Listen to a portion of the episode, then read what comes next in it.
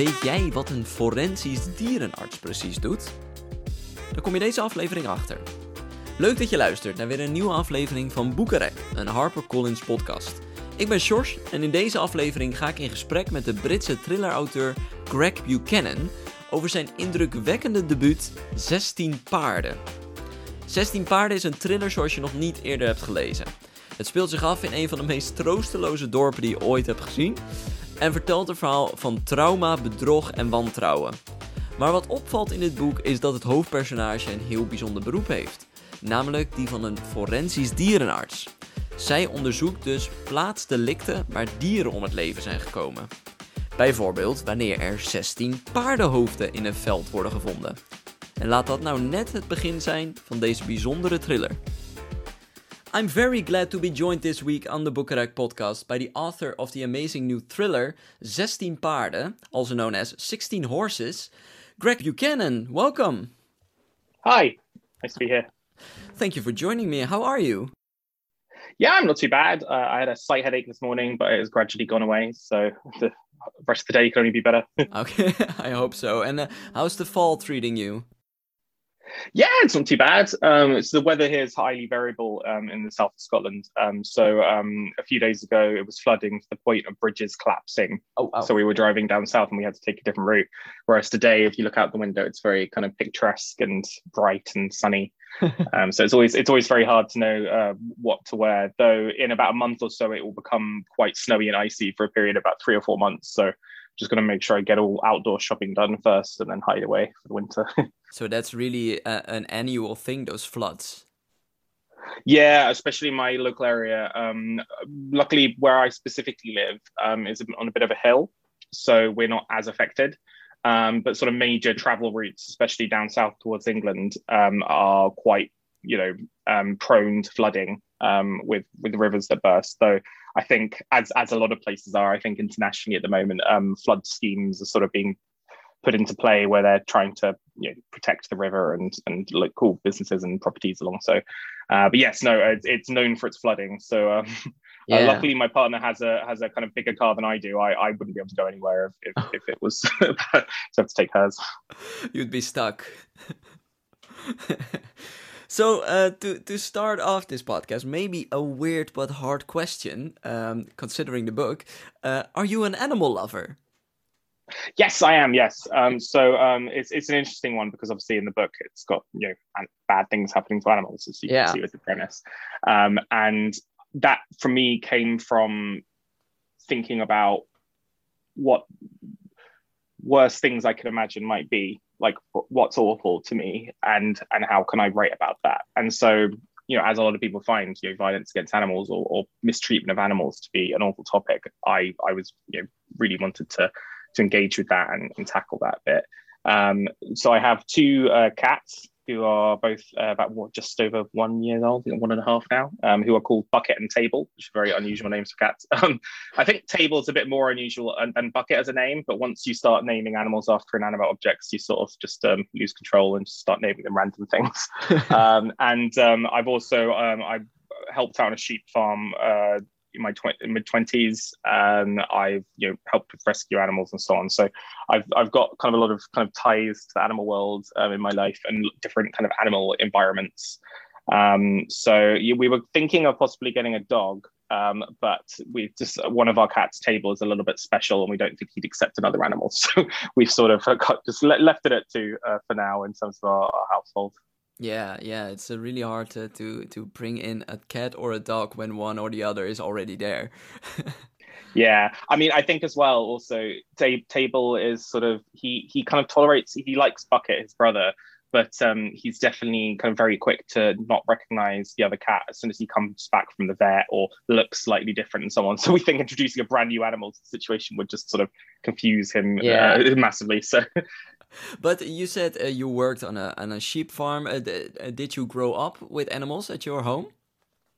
Sure. So um, I I didn't um, in in my household um, we had um, I think when I was very young and there was some cats. Um, when I was older, we had various fish, with hamster, you know, kind of uh, quite s- small pets. I didn't actually have any cats or dogs um, beyond, you know, as I said, when I was very young.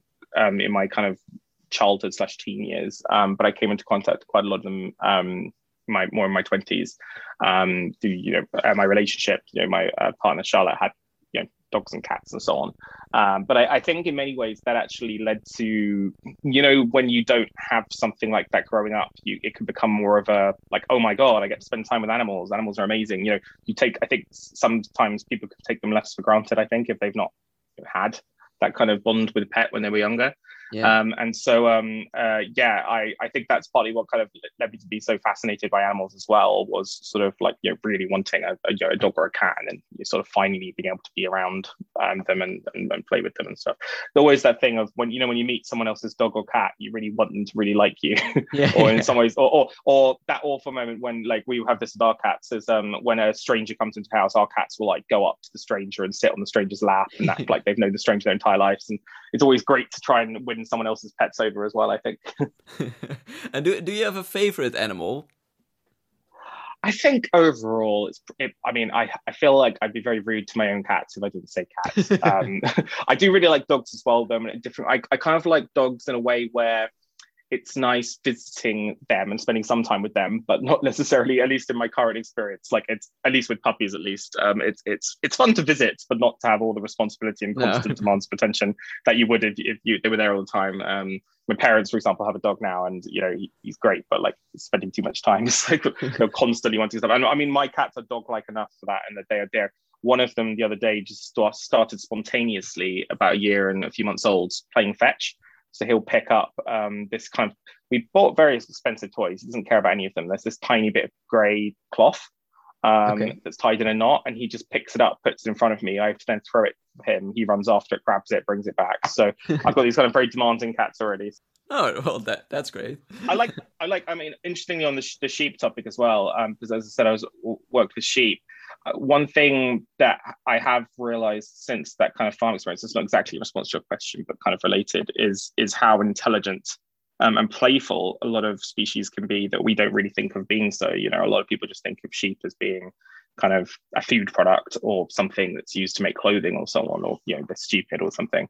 Whereas they're actually, especially young, when they're not as uh, fearful of humans, they they are they are as playful as a puppy or a kitten would be in terms of and, and as affectionate. Um, so some of the my responsibility when I was helping out on the farm was to sort of help with uh, pet lambs, so lambs who have been sort of not exactly orphaned all the time, but whose mothers have rejected them, so they're mm-hmm. not going to get much milk. So you have to keep them in a separate pen and you bottle feed them um, which is as cute and rewarding as it sounds. Um, but they they really imprint on you. Like they'll follow you around and, and play games with you and so on. So it, it really kind of changes your your your conception of of what of like there aren't just kind of pet species and you know livestock that animals are a lot more complex than you'd think. I think. Yeah, yeah. But but uh, you mentioned a couple of animals, but no horses.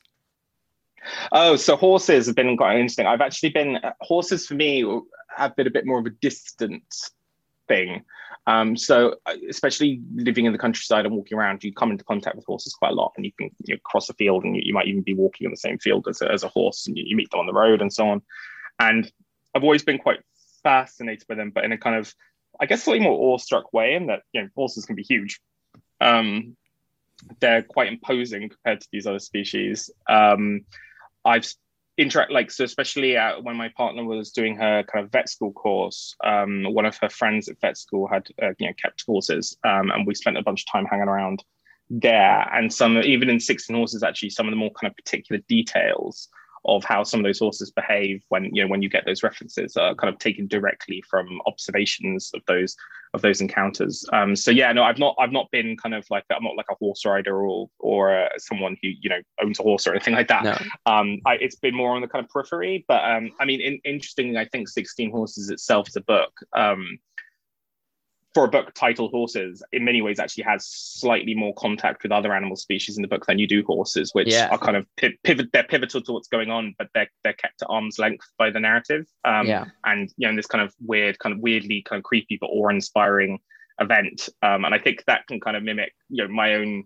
relationship with them not in that kind of where I'm, I'm not like scared of them or anything, but where I, you know, they've always been a bit arm's length to me, but I've been around them a lot, if that makes sense. Yeah, yeah, yeah. But I, I gotta there was one amazing moment actually just as a quick thing was i was trying to um, describe when some of my you know physical descriptions of horses i was trying to describe them in a way where you know as, as you'll see if you're looking if you read some of the opening scenes um, where you don't quite know what you're looking at or whether the characters don't quite know what they're seeing um, and so how to describe a horse without making it clear it's a horse. Um, and I was trying to work particularly on a description of a tail once. And this is just in terms of the kind of areas I've lived. I was working on it and I'd gone out to go help load up the car. Um, so my partner was going on a trip and a horse just came past with a rider on stopped because they were I don't know they were talking to someone else and I was just standing right in front of this horse at the exact moment I was trying to write a description of horsetail, which was very helpful because I was immediately sort of getting my phone out and trying to think, you know, if I pretended I couldn't see the rest of this animal, what it looked like. So um, that's all been all been handy.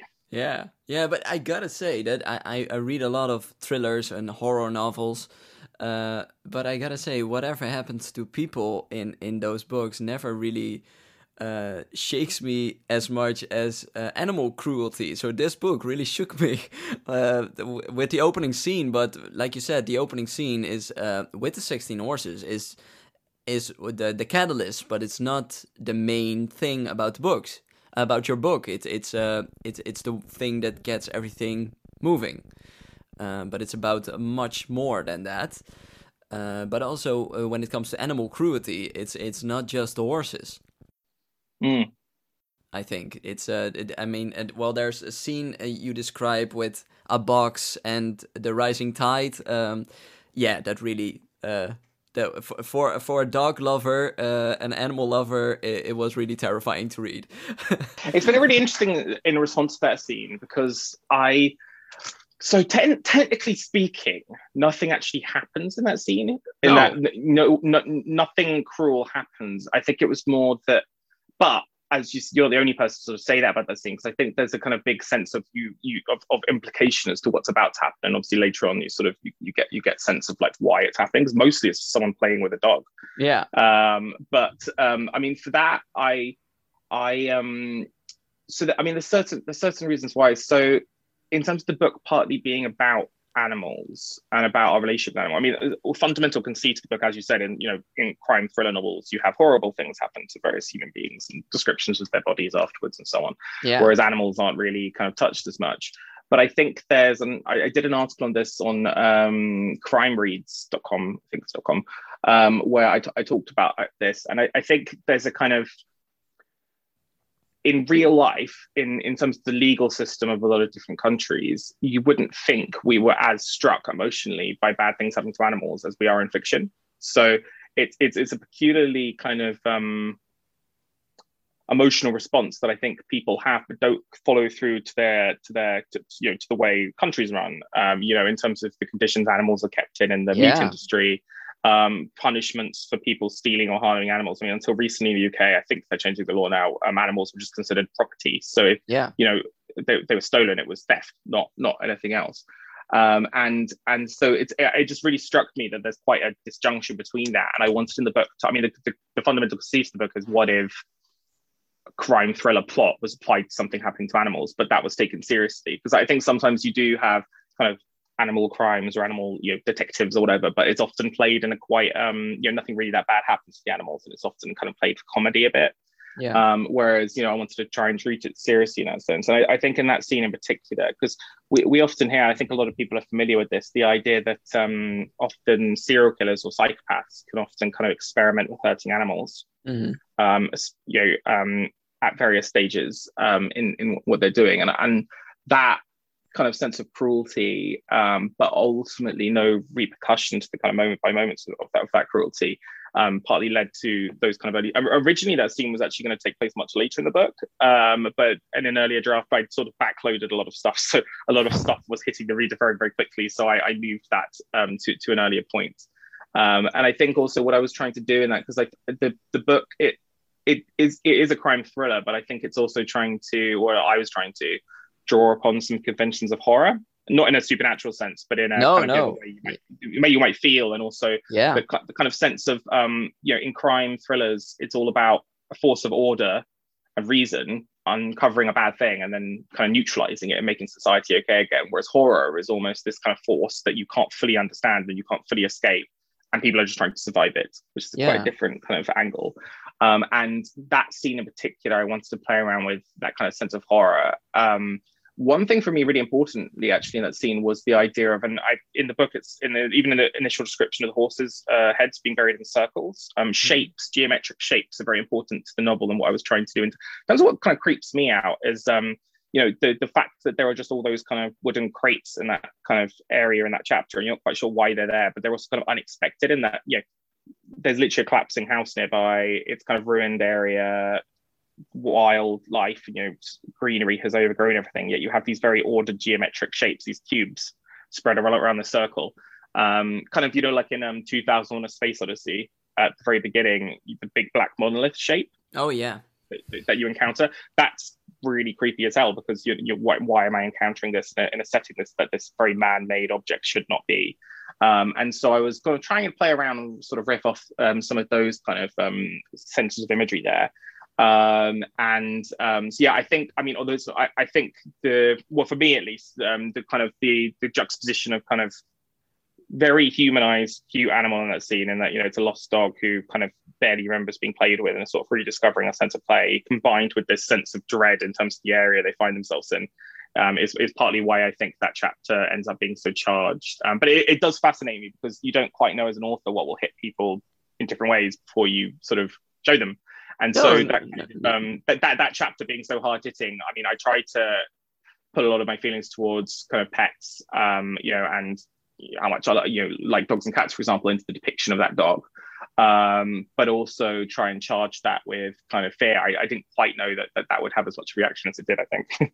well, like you said, we we as with the sheep, we uh, mostly see sheep, uh, pigs, uh, cows. We see that uh, them as livestock um, but uh, and and we don't uh, realize we kill thousands of them every day because people want to eat them. Um, but when it comes to a dog or a cat and it's described in in, in a way or done in a way uh, as in your book, then it really hits home. I think that's a really psychological um, um, maybe a flaw in, in the human mind that, that we think, well, we condone the one thing, but this is horrible to us. Um, and I, I, am vegan, so every every uh, part of animal cruelty is is is uh, very bad for me. But um, I mean, uh, it's really weird how that works in someone's mind. So I, I really enjoyed that you you played with that. Definitely, and I think I think it was interesting the kind of question about kind of you know am I an animal lover and so on because I think um, there there could be a sense from some people of like oh why would you write about you know bad things happening to animals do you do you not like animals blah blah but it's you know as you're saying it's quite the opposite I'm trying yeah. to actually explore that that thing and I think also I mean there's certain things in the novel which are kind of you know if you pay attention to are everywhere so they go to a, the main characters go to a kind of pub bar very early on um, and there's a stag's head mounted on the wall yeah. Um, and no one comments on it. It's just mentioned in the narrative, but it's just kind of uh, things like that where they're very purposefully to show the kind of almost absurdity of the situation and that the the investigation, at least at the beginning, is all about these decapitated horses, and you have a, literally a decapitated animal, very similar yeah. looking on the wall behind you, and no one. And there, but there's that almost there's a kind of I think there's a kind of bit of an economics thing to the whole situation as well, and that horses are often you know um, not always, but but can be associated with kind of money um, mm. with you know expense and so on. Whereas deer, which are not totally dissimilar in terms of the way they visually look, are sort no. of you know who cares? Often, if a you know a deer is killed in terms of society. So I think some of those kind of that uncomfortableness, um, I was trying to sort of um, uh, part, partly was what I think the book the book is about and it's exploring. Yeah, and and you introduce. Uh a, a, a, job I didn't know existed. I mean, a, one of your main characters is a forensic veterinarian. Um, you said your partner went to vet school. Yes. Okay. So she is my partner, Charlotte. She's not um, a forensic vet, but she is a veterinarian. And uh, what is a forensic vet? I mean, I mean, it's it's it's. I, I like I said, I didn't know something like that even existed. so interestingly, um, neither do various people in the veterinary world, um, although it's around a lot of university departments. Um, but but uh, so the kind of two slightly related disciplines of veterinary forensics and veterinary pathology um, in 16 Horses, the character of Cooper, because she's the, the vet forensic expert, is slightly, you know, like um, in TV, you might have, in real life, you might have a team of like five specialists analyze crime scene. Yeah. But in a TV show version, you'll have like that job be, you know, there'll just be one or two people that do that job in order to cut down the number of characters, so on. Yeah. So, so the way Cooper, the, the kind of range of things Cooper does in the novel is slightly a kind of simplification of of a couple of job roles into one, which are they're pretty interrelated anyways, you know, um, versus versus real life. But yes, no, um, the, the these um people they can do a kind of uh, variety of tasks. Um, they're usually trained as vets, um, so you know, they they can work with animals as well. Um, I actually so after after developing the idea for the book, um, a day or two after I'd signed with my agent, actually, um, I went to a training weekend um, at the University of Liverpool um, for uh, called Veterinary Forensic Pathology and Beyond. Um, and there were some vets there learning. There were some police actually there as well in order to find out more. I was sort of very much the odd one out, but you know, pretending to fit in with all these very serious people. And it kind of went through the whole scale of what you know this job role does. They will sort of sometimes attend crime scenes where an animal has somehow been involved in whatever's happening. So it's not always a crime against animals, as it is in 16 Horses. It can just involve animal evidence. Um, they can attend, for example, if they think that there's a kind of puppy farm or a, you know a place where animals are being mistreated. Often they'll they'll attend um, the scene um, in order to provide that kind of expert stuff, partly for the eventual trial. I mean, that their testimony is you know they'll they may act as an expert witness down the line. Um, they will also, um, especially in the pathology side, they will do kind of post-mortems of dead animals in order to prove various things about the way they were treated. Um, in in UK law, at least, um, it's very important whether an animal suffered in terms of um, uh, eventual sentences for things that might have happened. So um, a lot of what they'll look for is evidence of that, which is kind of a bit harder to prove because obviously that's a bit more of a mental emotional thing. Um, but um, some example cases of the kinds of things they might do that we, for example, saw at this training weekend um, were, for example, a cat who uh, died um, after its owner said that the cat had sort of hit its head on crawling under a countertop and had sort of um, okay. you know been knocked out. Yeah. And they can prove without too much difficulty that that's not true. In that they'll do what they would with a human, and they'll open up the cat, and then they'll be able to prove based upon the swelling or whatever had happened internally that extremely unlikely that a cat behaviorally or you know, with the amount of force would do that. Um, even more fascinating, there, there was one where they claimed someone claimed that their dog had jumped over a fence and then had something else happened. And they were actually they used a mixture of weather records, um, insect activity, and various things like that to prove that that can't possibly have happened. And it was it was kind of really interesting to hear the logic of it all was. Um, but yeah, no. So they'll they'll consult in kind of animal cases um, and prepare that kind of evidence um, for various things. Um, for 16 horses, I was lucky enough to be able to consult with uh, a veterinary forensic expert um, who sort of looked over the manuscript to sort of help ensure reasonable accuracy um, in terms of the way things are described. But uh, my partner Charlotte was um, she was very useful as well because obviously it's not just about that particular role, but about you know the world of being a vet, certain facts about animals. So she, it's very helpful to have someone on hand in my house who can sort of tell me yeah. whether various things are plausible or not, or what would this be like. And, and, and also getting, you know, Cooper in the book is described as she used to be a veterinarian who sort of, you know, worked just as a veterinarian before, before doing this. And there's bits about what that's like. Um, and obviously knowing a vet and vets friends, you know, who also all vets was very useful for an insight into that world, which I think is often, um, it's often, at least in the UK, I think we, there, there, aren't that many cultural depictions of veterinarians um, in terms of in fiction or you know, film and novels. There's reality television often, which follows them um, and their activities um, in a quite a positive way. Um, or there's the kind of work of, for example, James Herriot, who would write in a you know, very positive, bucolic way about countryside life. But it, it's an interesting thing in that I think um, there's a statistic mentioned in the book, which is, is true in real life, that veterinarians are, for example, four times as likely to commit suicide as the average member of the population, um, oh, wow. and twice as likely as doctors, uh, human medical doctors, who, who themselves already you know, have a higher suicide risk than the average population. But and, why? and that's very interesting. Um, so it's really interesting. I mean, I was discussing this, um, and I think I think there's a certain amount of you know um, both professions are kind of overworked a large amount um, and in quite in demand and interact with the public, and so there's various things that there that might kind of lead to more unhappiness in general. But um, there's also the vet profession has, and I've been to some vet schools and vet practices and stuff, and there are signs everywhere for mental health lines. Um, and there's a campaign recently, I think, about mental health in the profession. Um, I mean, one thing, partly the, the novel sort of goes into this a little bit, and this is partly my take as well, is that beyond there being certain unique challenges that profession, for example, vets are often kind of encouraged to put down animals, you know, put them to sleep um, and kill them essentially that are otherwise healthy animals, but whose owners have decided they do not want them anymore. Yeah. Um, or various things like that. And although individual vets are able to refuse, you know, you may have pressure placed on you by your workplace and so on, blah, blah, blah. Um, often the working hours are pretty bad in terms of, you know, because they're for profit medical businesses essentially. Um, often, um, you know, you face difficult issues of consent. So, for example, a human can consent to cancer treatment and uh, chemotherapy. They'll know what that means. Mm-hmm. An animal can't. Um, the vet and the owner have to decide if that's in the dog's best interest or whatever, and that's going to take a certain amount of time. The dog is essentially going to be harmed by the chemotherapy, but is that actually you know, would it not be better for the animal to die, possibly in, the, in those scenarios, and have a happier rest of life um, in terms of success rates and cost? Um, I mean, for me, one thing I think is quite important is that um, a lot of countries obviously have laws against um, euthanasia um, and you know putting you know killing humans by their own wish for suicide um, because of you know illnesses and so on. But obviously with vets, that's very much an open thing. So internationally, a vet could decide that an animal should be put to sleep because it's in the animal's best interest health wise, um, and they have access to drugs and and means to do that regularly. And I think just the that as a global difference in those two professions that not all countries allow euthanasia of humans, uh, or view, or indeed might view as abhorrent, um, whereas euthanasia of animals is seen as often kind, you know, to do that.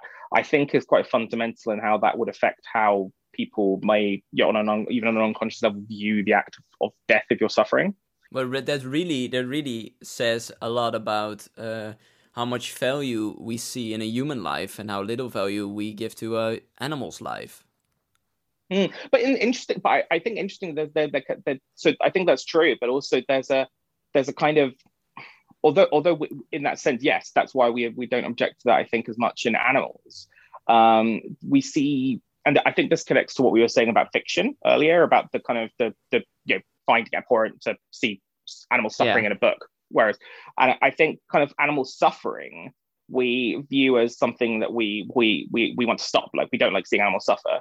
Uh, but human suffering is sometimes, I think, seen as something that we need to be stoic about or work through. You know, because like we are reasoned, rational creatures, and we should be able to be above the suffering. I think sometimes, mm. and I think, um, I think that just has a that, that puts vets in a weird kind of weird middle place. I think a weird nexus between all those different views um, that I think um, raise moral quandaries for vets, but that also kind of opens up, I think, well, if I'm suffering, yeah, for example, if an animal's suffering, we put it to sleep. If I'm suffering, you know, that that, that creates a certain connection, I think, um, in terms of how how you might view that world. But I, I think beyond all of this, I think the veterinary world basically needs, I think vets need to be valued more by clients. I think a lot of clients seem to think um, in terms of you look on the you know this isn't for in specific situations this is like you know even if you read online on kind of the way people talk about vets is you know oh the vet just wants to charge money to make money blah blah blah yeah. or i don't trust the vet blah blah blah. Whereas obviously it's like any business the vet obviously doesn't get all that money that's the business that gets the money they're just working there. Um,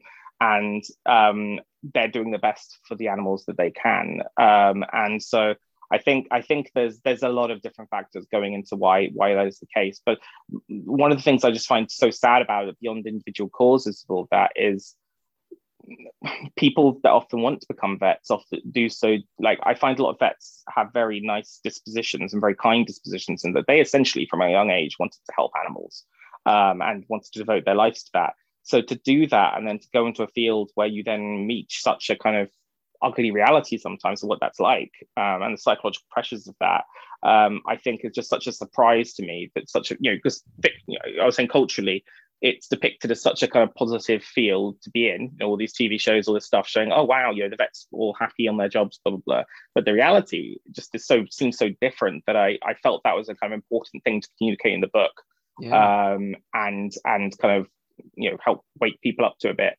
um, because yeah, it, it, was just such a surprise to me when I heard that. Yeah. Well, it's. I mean, we could talk about this for hours because I find it really fascinating. Uh, but it's really nice that you the, you show the reality in your book, and I think people really need to think about that when they read the book. That that um, yeah, the if we think about a veterinarian, we think, wow, that's a job I want to do, working with animals all day. but uh, it's not like that. It's it's uh, yeah, it's it's hard work, uh, less pay, and sometimes a lot of suffering. I think.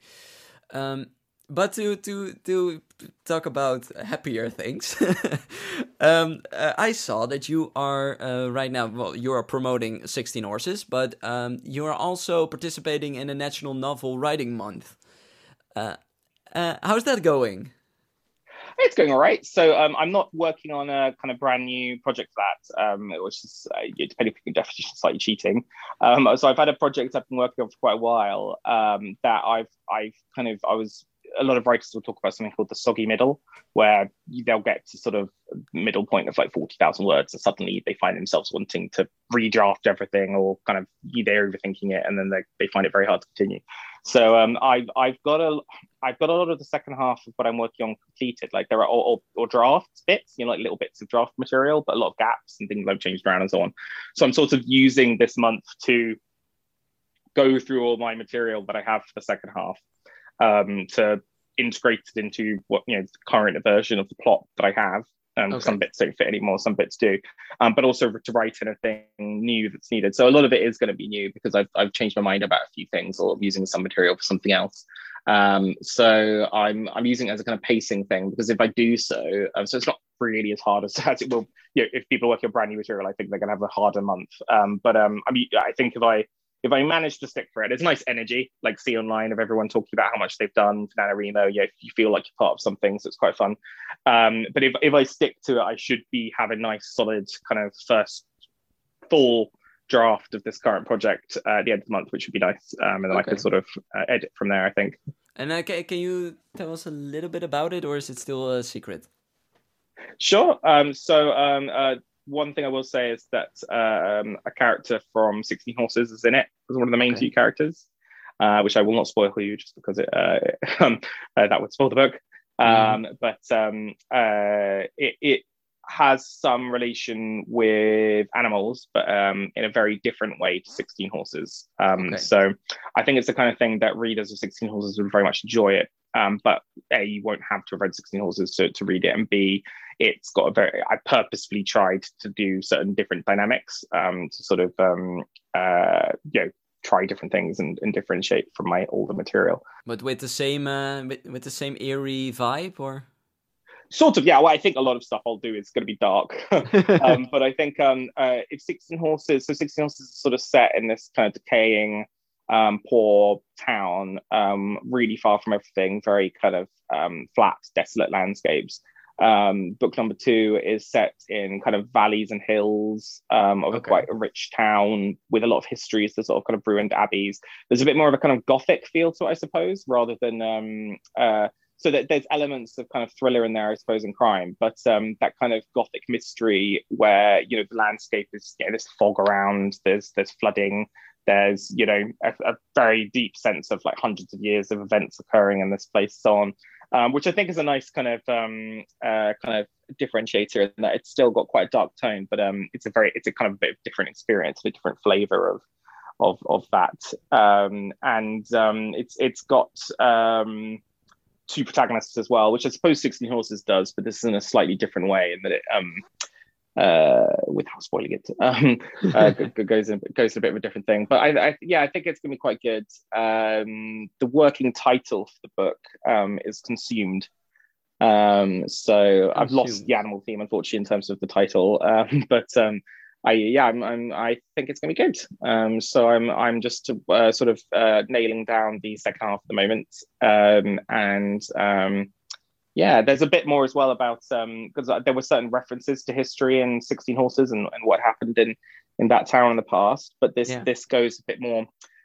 It's a bit more of a, a global feel to it in some ways, although it's set in this one town mostly. Um, there are a lot of references to different 20th century events, um, including most particularly uh, the Second World War, uh, Vietnam, and so on, are all kind of involved in the fa- fabric of the story, which um, immediately also gives it a very different feel to to 16 Horses, which is quite um, you know almost out of time, out of place, um, uh, liminal kind of. Um, whereas this is a bit more rooted in in um, society, I think. Okay, well, uh, really excited uh, to to see uh, what comes next. Then uh, consumed. Um, well, until then, uh, people would just have to read 16 Horses, 16 Paarden, called here in the Netherlands, uh, because it's a fascinating read and a really eerie thriller. well, you you've heard the themes that are discussed in the book, and I urge everyone to go and buy 16 Horses. Greg Buchanan, I really want to thank you for taking the time to talk to me today.